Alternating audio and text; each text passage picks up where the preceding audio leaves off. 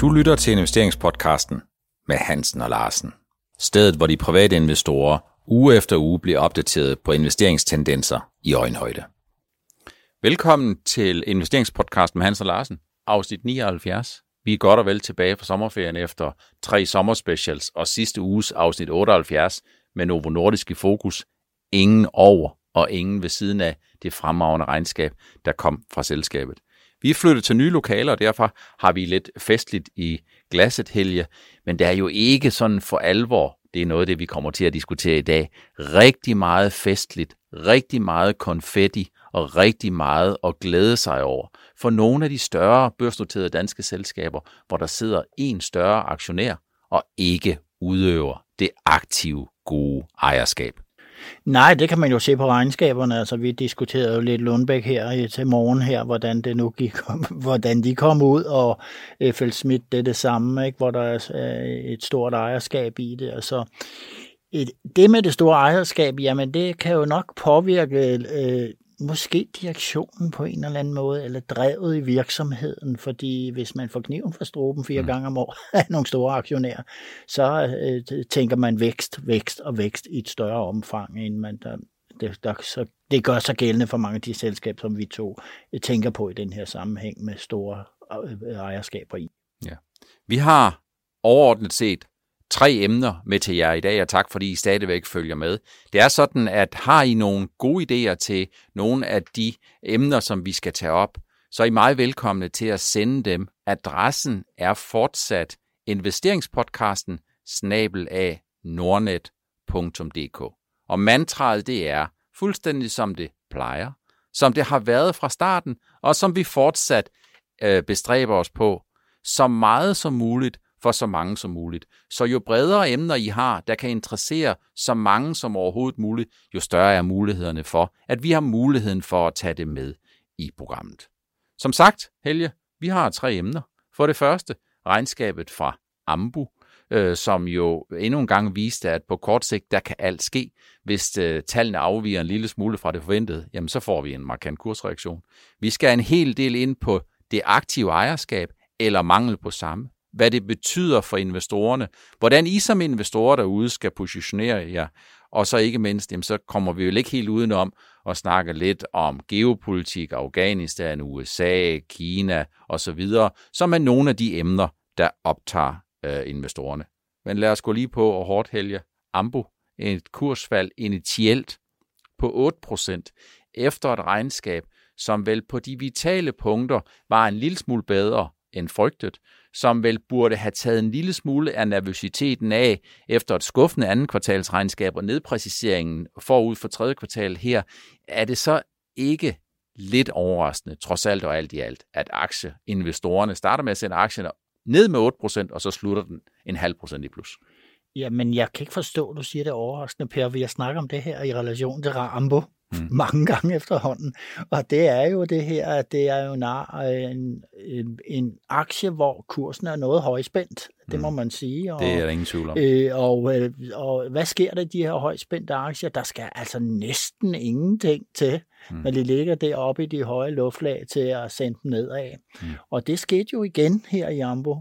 Men øh, som vi også har snakket om, jamen det gør nu ikke så meget, for den retter sig i løbet af dagen eller i mm. dagene efter. Mm. Så kom, strømmer der nye kunder, øh, kunder ind i butikken, og, og, og øh, sælgerne, ja, de holder sig lidt tilbage. Jeg synes, det er meget typisk ambo, det her. Mm. Jeg ville næsten være skuffet, hvis den ikke var røget 8% ned. Mm. Den 5.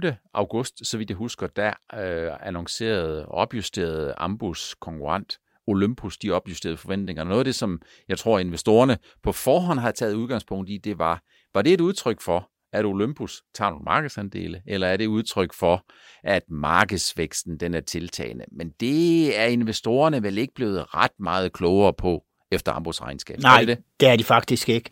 Nu kan jeg ikke huske, Per, var der ikke noget med en forsinkelse i et eller andet, som blev meldt ud i forbindelse med regnskab, eller er det mig, der husker galt? Nej, det har du ret i. For så vidt angår Ambo, jamen så var der uh, en lancering, som man ja. skubber lidt. Og der er det jo sådan, at hvis man skubber en lancering, så sker der det, at den omsætning, som han så havde lagt ind i et givet kvartal, den kommer jo enten i mindre omfang, på et senere tidspunkt, eller også så skaber det en form for nervøsitet, som jo omhandler, hvad er egentlig årsagerne til, at man skubber sådan en lancering. Og når vi har en prisfastsættelse som Ambu, som du fuldstændig er ret i, den er nogenlunde lige så høj som rundetårn, øh, jamen så må man sige, at hvis der bare er den mindste slinger i valsen, hvis det er et regnskab, der er som forventet, eller en lille smule bedre end forventet, så er det nok noget under det reelt forventede, fordi når du er på kurs- og prisfastsættelsesmæssigt forventet efterbevilling, jamen så er den mindste øh, bevægelse, den bliver taxeret og straffet meget hårdt. Vi har faktisk set også i, i pharma- og biotech-sektoren generelt, at når man bliver forsinket med noget, mm. så bliver man straffet. Og ja. det er næsten hele vejen rundt omkring bordet. Ikke? Altså, det, det er ikke så fantastisk. Men så kan man jo se med Novo, der lige pludselig ikke kan levere nogle, nogle varer, det nye stof her, til, som er lanceret her til, fed, til fedmebehandling. Jamen, det bliver de belønnet for hver gang, der meldes ud, at nu kan de ikke levere, fordi at, øh, øh, jamen, det vil sige, at efterspørgselen må være fantastisk stor. Mm. Ikke? Så det er sådan en bagvendt konklusion. Ikke? Man kan sige, at Novo Nordisk de havde tre slemme år, svære år fra 2016 til i hvert fald slutningen af 2018 og begyndelsen af 2019. 2016, et annus horribilis, der nedjusterede de med få øh, måneders mellemrum to gange. For det første nedjusterede de øh, omsætningsforventningerne til det indeværende 2016, og for det andet, så mener jeg, at de også i det samme år nedjusterede deres langsigtede vækstforventninger. De halverede dem, skar dem over i to lige små dele fra 10 til 5. Men det ser ud som om, at Novo Nordisk de har brugt de, de år, der ligger derimellem, meget, meget fornuftigt til at brede deres pipeline ud og fokusere endnu mere og blive mere, endnu dygtigere til det, de i forvejen var ret gode til.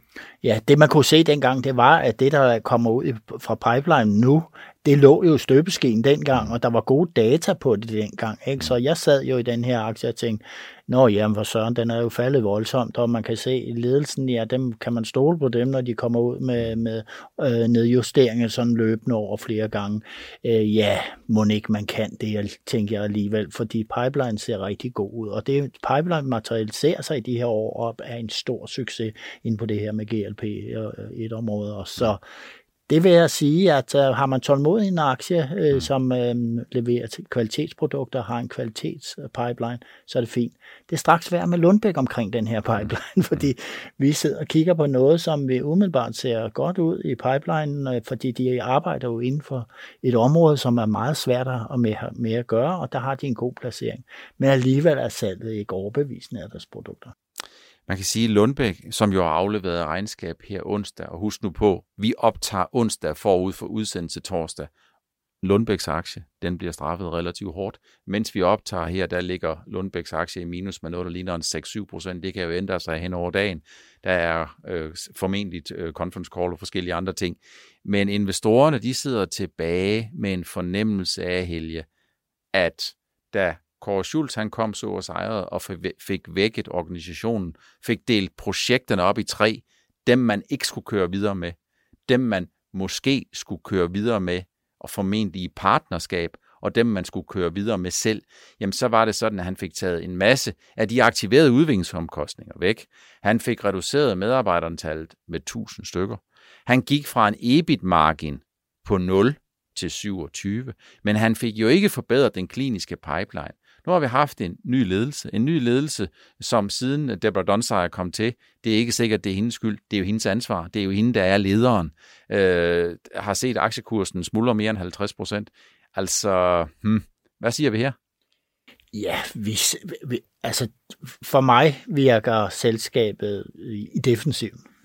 Og det er jo også den udmelding, jeg lagde mærke til her i morges, at det er, at man melder ud, at, at forbedringen i, i, i, i forventningerne, jamen det skyldes besparelser, og på, mm. især på markedsføringsområdet. Mm. Man siger også samtidig, at man er ramt af covid ja. øh, rundt omkring, øh, og så har det gået bedre i takt med åbningerne. Men jeg sidder og tænker lidt på det øh, det område, de beskæftiger sig indenfor, at det en, de har jo en masse ting, som er bare sådan noget, der bliver skrevet ud på recept, og jeg kan ikke lade være med at tænke, hvordan i verden er det sådan umiddelbart ramt af covid. Mm. Der er der andre selskaber i, i, i, i farmabranchen, som ikke melder ud på samme måde, mm. øh, hvor man kan tænke, at de burde jo nok være mere ramt af covid. Så jeg vil mm. sige, det der med, at der ikke indlæggelser og hospitaler og alt det, det, det har en forståelse for, men receptblokken om, hvorvidt man kan bruge den eller ej, når der mm. er covid til udskrivning af lykkepiller eller, eller migrænemidler, eller hvad det nu end er. Øh, der må jeg sige, jamen, hvordan er det nu lige, det hænger sammen? Det får mig til at drage videre fra Lundbæk til det, som øh, er øh, hovedtemaet i dag, nemlig når du har nogle selskaber, som har en meget stor, meget betydelig og meget dominerende aktionær, så er porteføljeinvestorerne, de er meget afhængige af, at den store betydende aktionær forvalter det mandat, sådan så de eksterne investorer, de bliver taget alvorligt. For hvis ikke de gør det, jamen så har vi jo en situation, hvor du ikke udøver det aktive ejerskab, så er du egentlig bare en elefant, som ikke bevæger dig. Du gør ikke noget særligt. Du er dresseret til at tage det stille og roligt. Øh, og hvis vi kigger her på Lundbæk, så har jeg printet en, øh, en illustration ud. Lundbæk-fonden, de sidder på 9%, 69% af aktierne i Lundbæk. Det er investorerne, de eksterne investorer, det er de altså ikke blevet særlig meget rigere af. Hvis vi kigger på FL Schmidt, jamen så er det FL Schmidt, der sidder Lundbæk-fonden på mere end 10 procent. Det er jo ikke fordi det her det skal handle om for eller imod Lundbæk-fonden. Men hvis ikke en større aktionær udøver aktivt ejerskab, og aktivt ejerskab, det er hele tiden at afsøge nye muligheder for samarbejde og lægge sig sammen, lave nogle andre ting, hele tiden at sige, at vi bedste ejere af de aktiver, vi har her, jamen så er det vel sådan, at så sender man et klart signal, Helge, til eksterne ejere om, vi prioriterer ikke jeres interesser. Så hvis I kan leve med det, så er det fedt. Hvis I ikke kan leve med det, så skal I finde noget andet. Jamen, du har ret i det. Det er et, et, faktisk et område, hvor man tænker, det tænker jeg ofte det her, når der er sådan en stor ejer der. Jamen, de er jo gået ind og taget en stor ejerandel, fordi de kan se noget i den pågældende virksomhed, og de mm. mener, det er en god investering at være der. Men det kan ikke være så stort, øh, stor, så en god investering de senere år for Lundbæk-fonden. Og øh, på et eller andet tidspunkt bør der ske noget i, i selskaber som det her, eller det bør der ske hele tiden, skulle man mene. Det sker der også heldigvis i, en masse andre sammenhæng i andre selskaber. Mm. Men lige det her med Lundbæk-fonden, det har jeg haft svært ved at forstå. Altså et spændende selskab, og nu kan jeg sige, hvorfor jeg synes, det er spændende. Det er fordi, jeg min søn engang har ansat der, og, ja. og, og jeg, der, der fik jeg så et indblik i en virksomhed, som, mm som åh, det, altså, de beskæftiger altså med, sig med noget, som, som, hvor de burde lægge sig i scenen for at skaffe noget vækst. Mm. Og, og alarmklokken ringede lidt for mig her, da jeg så, ja, men vi skal spare os ud af problematikkerne. Nej, de skal sgu ikke spare jer ud af noget som helst. De skal bare op på hesten og komme afsted. Men det er lidt nemt at sige for mig, og det er måske også, øh, de, måske synes Lundbæk-fonden selv, måske, at de har ansat, at der er blevet ansat en direktør, som skal klare tingene. Mm. Men på et eller andet tidspunkt skal man jo ligesom kigge lidt på, hvad vej går udviklingen. Jamen det er jo sådan, at den øverste ansvarlige i en virksomhed, det er jo bestyrelsen. Fordi det er bestyrelsen, der skal sørge for at ansætte, hyre og fyre ledelsen, som skal sørge for at føre de strategier ud øh, i livet, som man i fællesskab mener er de bedste for selskabet og for ejerne og for de andre stakeholders. Vi har bare her nogle eksterne stakeholders, som ikke bliver prioriteret. Øh, og det gør, de, det gør de ikke, for hvis man øh, i, de, i den forstand, at hvis du kigger på aktiekursudviklingen, så er det jo afspejling af, om investorerne de føler sig godt eller dårligt behandlet. Og der må man bare sige, at øh, der er investorerne, de er, hvis nu bare siger det meget mildt, de er meget skuffede i Lundbæk. Ja, fordi der, bliver, der bliver flere og flere sælger hen ad vejen mm. i takt med, at man ikke får, eller ser, at virksomheden, jamen der er et fremtidsperspektiv ved at være her. Mm. Og det er sådan meget, det, det er, ja, det, det, det, det er en selvforstærkende virkning, der er. Så hvis Lundbæk-fonden, og jeg tror nok, du mener, de skal banke lidt i bordet og sætte sig på for, for enden af forhandlingsbordet og så sige her, nu må vi se, hvad vi gør ved det her. Jeg synes jo ikke, at de skal banke lidt i bordet. Jeg synes, de skal kaste rundt med bordene for ligesom at se, om man skal blande de her ting på en ny måde. For den udfordring, den er, der, der sker, hvor man bare bliver ved med at løbe rundt i en tredje mølle, uden at der kommer noget ud af det, jamen det er jo et vidnesbyrd om, at de eksterne ejere ikke er særlig interessante. Og hvis ikke de er særlig interessante, jamen så er budskabet jo klart. Så skal man sende det budskab ud til ejerne, I er ikke særlig prioriteret, og så skal investorerne, de skal tage bestik af det. Der kom en udmelding øh, onsdag, øh, det handler hverken om AFL Schmidt, Lundbæk eller Lundbækfonden, men den kom fra Jyske Bank. Jyske Bank har aflagt et øh, halvårsregnskab, som for en gang skyld øh, er fornuftigt. De har i første halvår 2021, der har de opbestået tre gange, det er flot. Øh, en af årsagerne er nok givetvis, at forudsætningerne, forventningerne, udgangspunktet var relativt lavt, men ikke desto mindre, så er det meget fornuftigt. Og de leverer 9,4% i egenkapitalforrentning i første øh, halvår. Det øh, er absolut godkendt. Det er ikke så meget det, jeg kigger på. Jeg kigger heller ikke så meget på, at aktiekursen den faldt 7%, fordi Jyske Bank nok er en lille smule forsigtig i deres udmelding. Det, jeg anholder her, det var en artikel, der blev skrevet i Dagbladet Børsen. Og af den artikel, der fremgår der, at Jyske Bank jo egentlig lægger tingene fuldstændig frem. De har en stor ejer, der hedder BRF, og BRF, fonden eller BRF Holding, øh, har jo sine aktier i Jyske Bank fra det tidspunkt, hvor Jyske Bank i 2013 købte BRF.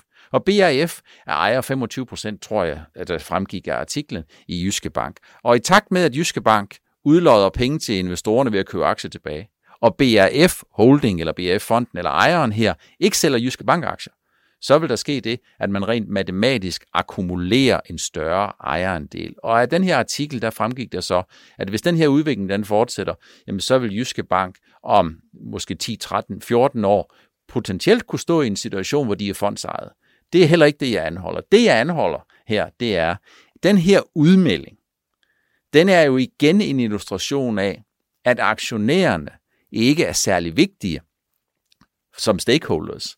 Og hvis aktionærerne ikke bliver prioriteret, hvis aktionærerne bare bliver betragtet som nogen, der er der, jamen så er det faktisk sådan, at Jyske Bank de begynder at nærme sig sådan lidt det, som har været mantraet for mange lokale pengeinstitutter i verden, eller i Danmark, undskyld, nemlig at det lokale og den der uafhængighed, den var langt vigtigere. Og så kan man sige, så er det da meget fornuftigt, at man melder ud og siger, jamen vi har ikke noget at bruge den finansielle markedsplads til, vi skal ikke hente aktier, vi skal ikke hente nye penge øh, som sådan, vi har ikke noget at bruge det til, vi kan lige så godt gå i kapitalfondseje. Men det rimer lidt på det her med, det aktive ejerskab, eller det manglende aktive ejerskab, som godt kan, som godt kan være fornuftigt set i forhold til BRF og Jyske Bank, men som også jo skal sende et signal til de eksterne investorer, at I er altså bare vedhæng. Jeg vil sige, at det er jo mange år siden, at Jyske Bank var øh, klassens frække dreng. de havde jo nogle gevaldige år, hvor, hvor de var foran på nye initiativer og øh, jamen i det hele taget, ja, øh, når man virkelig snakker om nogen, der skulle op og ryste de store, så var det Jyske Bank. Mm. Men sådan er tendens jo, det er jo slet ikke det, man snakker om længere. Øh, nogle, øh, bankernes alderdomshjem, eller jeg ved ikke, der er et eller andet over det, det, der er noget støvet over det efterhånden. Det er ikke derfra, vi ser de nye initiativer, som man så for en del år tilbage, hvor, hvor man, man, man virkelig var nytænkende i Jyske Bank. Så det kunne BRFF jo godt tænke lidt over, om de vi skulle ryste op i det her til gavn for handlen i aktien og aktiekursen. Men det er ikke noget, der tyder på de udmeldinger, der kommer, hvor man både har spurgt den administrerende direktør, Anders Dam i Jyske Bank, og man har spurgt uh, Lars Munk uh, i BAF, og den siger, jamen jeg kan sådan set bekræfte tallene, jeg kan bekræfte udviklingen. Jyske Bank siger jo ikke, at det er det, de stiler efter. Men bare det, man i tale sætter det, Jamen det synes jeg er et stort problem. Jeg synes, det er et stort problem, fordi, eller en stor udfordring, eller, eller i det mindste skulle jeg måske vente en lille smule om og sige, det er et klart signal til de eksterne ejere, at man skal ikke forvente noget særligt. Jeg husker fra min egen tid i Jyske Bank, der var der tre ringe. Og de tre ringe, de drejede sig om medarbejderne, de drejede sig om kunderne, og de drejede sig om ejerne. Og hvis den ene ring blev større end de andre, jamen så var det en reel udfordring, fordi så var der en storebror eller en lillebror, eller en storesøster eller en lillesøster, og det kan jo skabe nogle problematikker. Men ejerne, det er så med længe siden, at ejerne, de sådan for alvor må have følt, at de bliver stærkt positivt prioriteret. Ja, du har ret. Altså jeg vil sige, at vi, vi ser det jo også på aktiemarkedet. Altså, der er ikke meget snak om Jyske Bank, som, som jeg nævnte her. Men det der med, der er heller ikke meget snak om det her med det aktive, hvad det, de store aktive, øh, eller hvad, hvad store øh, ejerskaber mm. i, i selskaberne betyder i Danmark. Det har man op i Norge, hvor man snakker rigtig, rigtig meget om, at jamen, hvis Frederiksen, der har 10 procent, ikke kan lide direktøren, så skal han sgu nok komme af med ham i et, i et selskab, uanset hvor stort det er. Mm. Øh, det, den slags har vi jo ikke rigtigt, det hører vi ikke rigtigt om i Danmark. Nej. Øh, og det er i hvert fald ikke noget, man debatterer på de sociale aktiemedier, det emne, du har bragt op i dag. Og det er også forholdsvis, det kommer lidt bag på mig, fordi jamen, den vinkel, den burde vi nok tænke meget mere om derude, når vi investerer. Det handler jo ikke om, om direktøren skal hyres eller fyres. Det handler om at udøve det aktive ejerskab, der, hvor man sørger for, at der sker en fornuftig balance mellem de forskellige stakeholders. Og det er jo sådan, øh, Helge, og må være sådan, at ejerne, det skal være en af de stakeholders, der bliver taget seriøst. Og så kan man sige øh, fra nogle af de her større ejere, øh, Lundbæk-fonden, der siger, at vi tager skam ejerne meget seriøst. Og så vil jeg bare sige, at hvis man sidder som 69% aktionær i Lundbæk-fonden, så tager, man, så tager man det ikke faktisk ikke særlig seriøst. Så er man faktisk lidt selvhøjtidelig. Og det er jo fordi, at hvad med de sidste 31 procent? Skal de ikke have noget for deres penge? Skal de ikke have et afkast? Har de ikke et afkastkrav? Har de ikke en forventning? Det har de vel. Jo, det er rigtigt, altså, men det her med de store, de, de, de, de, bestemmer hen over hovedet på de små, og, og hvis man hvis ligesom siger, at vi læner os tilbage i stolen altså, og, og stiller os tilfreds med forholdene, som de er, Jamen det vil de små nok ikke gøre, men hvis man ikke er noteret for eksempel, så er det noget, man møder hele tiden, hvis man går ind og kører sig ind i en unoteret aktie. Der sidder hovedaktionæren, og det er så ham, der bestemmer alene. Og hvis han bestemmer, at der ikke skal holde nogen bestyrelsesmøder, så kan han også slippe afsted med det. Men det duer jo ikke i stor stort børsnoteret øh, selskab, hvor øh, familien Danmark kan investere i, i den og fylde deres pensioner med aktierne fra det pågældende firma. Der må man have en helt anden holdning til det.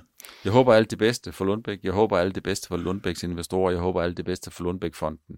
Øh, jeg synes, at den udvikling, man har set, den har været, den har været stærkt skræmmende. Den har været præget af for lidt indgriben og for lidt forsøg på at ændre på øh, holdopstilling i forskellige henseender. Det er jo ikke træneren, der er skyld i, om et hold de vinder og taber, men til syvende og sidst, så er det trænerens ansvar og ansvaret det ligger i bestyrelsen, og ultimativt, jamen så ligger det øverste ansvar i en virksomhed, det ligger jo på bestyrelsesformanden, og det er jo dem, der skal sørge for, at man forventningsstyrer og øh, kan give det signal, der sikrer den her fornuftige og gode udvikling. Kina, Afghanistan, USA, pengepolitik, Jackson Hole topmøde i Wyoming helge. Er der nogle af de her store ting, som du tror spiller uh, en rolle, som kan komme til at spille investorerne et pus de næste to til tre uger? Altså, man snakker en del, i forbindelse med Afghanistan vil jeg sige, det påvirker ikke aktiemarkedet sønderligt, men det, det, det, det kan tegne, at der geopolitisk bliver kommer nogle ændringer i balancerne rundt omkring. Altså, jeg betragter det her som en nederlag for USA, at det, at det er gået på den her måde, det er, men også i, til dels også for de europæiske lande, der har været involveret i det her. Øh, men nu ser man så lige pludselig, at Kina og Rusland, at de øh, kan kom, muligvis komme ind og få nogle positioner i Afghanistan, øh, og det kan jo så ændre lidt på hele det der øh, geopolitiske setup, hvor man får en svagt øh, USA og meget endnu stærkere Kina, øh, øh, og det skal vi nok vente os til, men jeg tror ikke, det rykker ret meget på, på, på markederne her, lige på den korte bane. Det, der derimod rykker, det vil jeg sige, og der har jeg hørt nogle sådan hands-on retninger, øh, med Delta-varianten, som eksploderer i Asien. Øh, jeg hører ikke ret meget, som medierne er meget stille omkring, hvor, ikke hvor smitsom den er, men hvor dødelig den er. Mm. Det hører vi ikke ret meget om. Mm. Men jeg ved altså, i Kina, der bliver der lukket ned øh, flere og flere steder. Øh, vi kan også se, at man har gjort det i New Zealand og andre steder. Øh, altså, det, det ruller frem, det her. Og det kan altså påvirke markederne meget. Og man ser den her balance med, mellem, jo mere corona man får, jo mere øh, til, regner man med, at man skal be, beholde de her pengepolitiske øh, goodie bags, altså ja. at man ikke skal købe, stoppe med at købe obligationer op og alt det her. Mm. Øh, så man, vi har den her balance med Fed og, og corona. Mm. Og øh, jeg har nævnt det flere gange løbet sommer, det kan blive en dark horse, det her med coronaen, og den bliver udbredt rigtig meget, når efteråret for alvor kommer. Så hvis den her, øh, den her delta-variant, den øh, øh, bliver ved med at være en potentiel og latent risiko, så vil øh, øh, så vil man vente med så vil man vente med og de her ting. Det vil sige, at så vil i princippet, Helge, så kan du sige, jamen det vil være negativt for nogle aktier, men for aktiemarkedet, det brede aktiemarked, så er budskabet, renterne de forbliver lavere længere, fordi øh, de pengepolitiske øh, befalingsmænd, hvis man kan sige det på den måde, jamen de vil bare sige, jamen bare, bare blive ved med at dosere noget mere, fordi patienten har det stadigvæk dårligt, og vi skal altså sørge for at sikre os, at den her penicillinbehandling, som vi har givet til økonomien, den når helt ud i stortåen, og den fortsat virker. Ja, og det er jo, det er jo skrækkeligt at sidde og snakke om. Mm, jeg ja. må indrømme, at jeg, jamen altså, og jeg, jeg, inde i mig selv tager mig tit, tænker jeg på det her med, at det er godt, at renterne forbliver lave. Nej, det gør jeg faktisk ikke, for jeg er en tålmodig investor. Jeg kan godt tage nogle knald øh, her. Øh, altså, jeg vil, vil ønsker bare, at den her corona bliver dæmpet fuldstændig ned, og vi får noget, nogle mere normale forhold. Og det tror jeg også, øh, altså nu alle dem transportørerne, de ja. tjener jo styrtende med penge. Ja. Mærsk, Mærsk og DSV og NTG og hvad vi ellers har her ja. på markedet. Styrtende med penge. Men de, de, de sidder jo også og kigger, nå, nu må vi da håbe på, at den havn lukker ned, fordi så stiger retterne. Jamen altså, det er jo usund business på den ja. her måde. Ikke? Og det påvirker også værdikæderne. Jamen, så kan man lige pludselig ikke få den bil, man har bestilt, fordi der kan ikke komme en chip fra Kina og så over. Altså, normale forhold, tak, men øh, det, det ser ikke sådan ud for det næste halve års tid. Hvis man kigger på containerraterne, Helge, kan du så bekræfte, at, øh, at nogle af de containerrater for en 20-40 fods container, det kan være 6.000, 7.000, 8.000, 9.000 dollar? Ja, men stil. det er helt vildt. Altså, jeg, jeg kan huske, for det er en del år siden, der, så fik jeg sådan en container hjem, en 40 fods container for 12.000 kroner fra Kina med varer. Ikke? Altså, Øh, det... det er også det, jeg synes, jeg kan huske. Så derfor så spørger jeg sådan lidt nølende dig, og jeg synes jo, jeg kan huske, at man havde en situation, hvor man siger, jamen hvis det bare var sådan, at containerraterne, de vil rykke på med 100 dollar, det kan jeg huske, øh, i hvert fald ja, ja. tidligere fra øh, Mærsks øh, årsregnskab, så er det ja, den der ja. følsomhed, og følsomheden, den går jo på brændstofpriser dengang, ja, ja. den gik på containerrater, den gik på dollar og forskellige andre ting. Der er ligesom, der hvor man i gamle dage, tænkte på og talte om følsomhed, jamen der var det følsomhed, som man regnede i plus minus 100 dollar. Nu snakker man om følsomhed eller ændringer på containerraterne i tusindvis af dollars, så i virkeligheden, så er det jo bare en illustration af og understregning af det, som du siger, det er helt usædvanlige og helt unormale tider. Ja, og så sidder jeg tit og tænker på virksomheder. Vi har en masse virksomheder, der er kommet med regnskaber her nu, store hæderkrone danske virksomheder. Og så er der masser, som ikke... Det, det, det er ligesom om, at de her fragtrater for at mm. bringe deres varer frem og tilbage. Altså vi ser det også med Carlsberg her, jamen det koster jo nogle penge at få transporteret tingene, men hvis man er til stede i lokalmarkedet, så er det sikkert også dyrt, hvis mm. man skal rundt, hvis for eksempel hvis det er Kina. Øh, det kan jeg ikke rigtig vurdere. Men øh, vi, det her med, at, at, at vi klarer så godt de danske virksomheder, der kom, der kommer rigtig, rigtig mange flotte regnskaber her efter øh, første halvår. Og jeg må sige, at de danske virksomheder, de forbløffer, altså de kan virkelig omstille sig, mm. selvom at det koster meget, meget en høj pris at få varerne hjem eller fragte dem ud til kunderne. Ja. Så imponerende. De danske virksomheder, de er i topform, og det er det, der aktiekurserne de afspejler. Det er det, prisfastsættelsen afspejler, og det er det, vi hører gang på gang. De danske aktier, de er for dyre, og så kan man bare sige, tja, det er svært at sige. Vi ved i hvert fald, at de er højt prisfastsat, og grunden til, at de er højt prisfastsat, det er deres egen fortjeneste, for de gør det i det generelle tilfælde rigtig, rigtig godt. Man kan sige, at det her corona er jo en trykprøvning på det danske system og øh, ledelse og alt muligt andet i virksomhederne, og der må man sige, der klarer de det til UG og kryds og slange. Det var alt det, som vi havde valgt at tage med i afsnit 79 af investeringspodcasten med Hans og Larsen. Vi har været rundt om øh, regnskabet fra Ambu, som sædvanen tro øh, kalder på ambulancen, for så vidt angår aktiekursudviklingen. Vi har været meget inde på det aktive ejerskab, eller mangel på samme, og hvad det betyder i nogle selskaber, som for eksempel Lundbæk, FL Schmidt, og hvad det kan betyde potentielt, eller allerede betyder i Jyske Bank. Så har vi været øh, en del her sidst inde på, at regnskaberne i det generelle tilfælde, de har været gode. De danske selskaber, de er rigtig gode til at tjene deres penge. Og så rundede vi en lille smule omkring geopolitikken, hvor man ligesom kan se, at delta-varianten, den kan godt komme til at betyde, at centralbankerne har alt andet end travlt med at rulle de pengepolitiske lempelser tilbage. Tak fordi I så med. Tak fordi I følger med.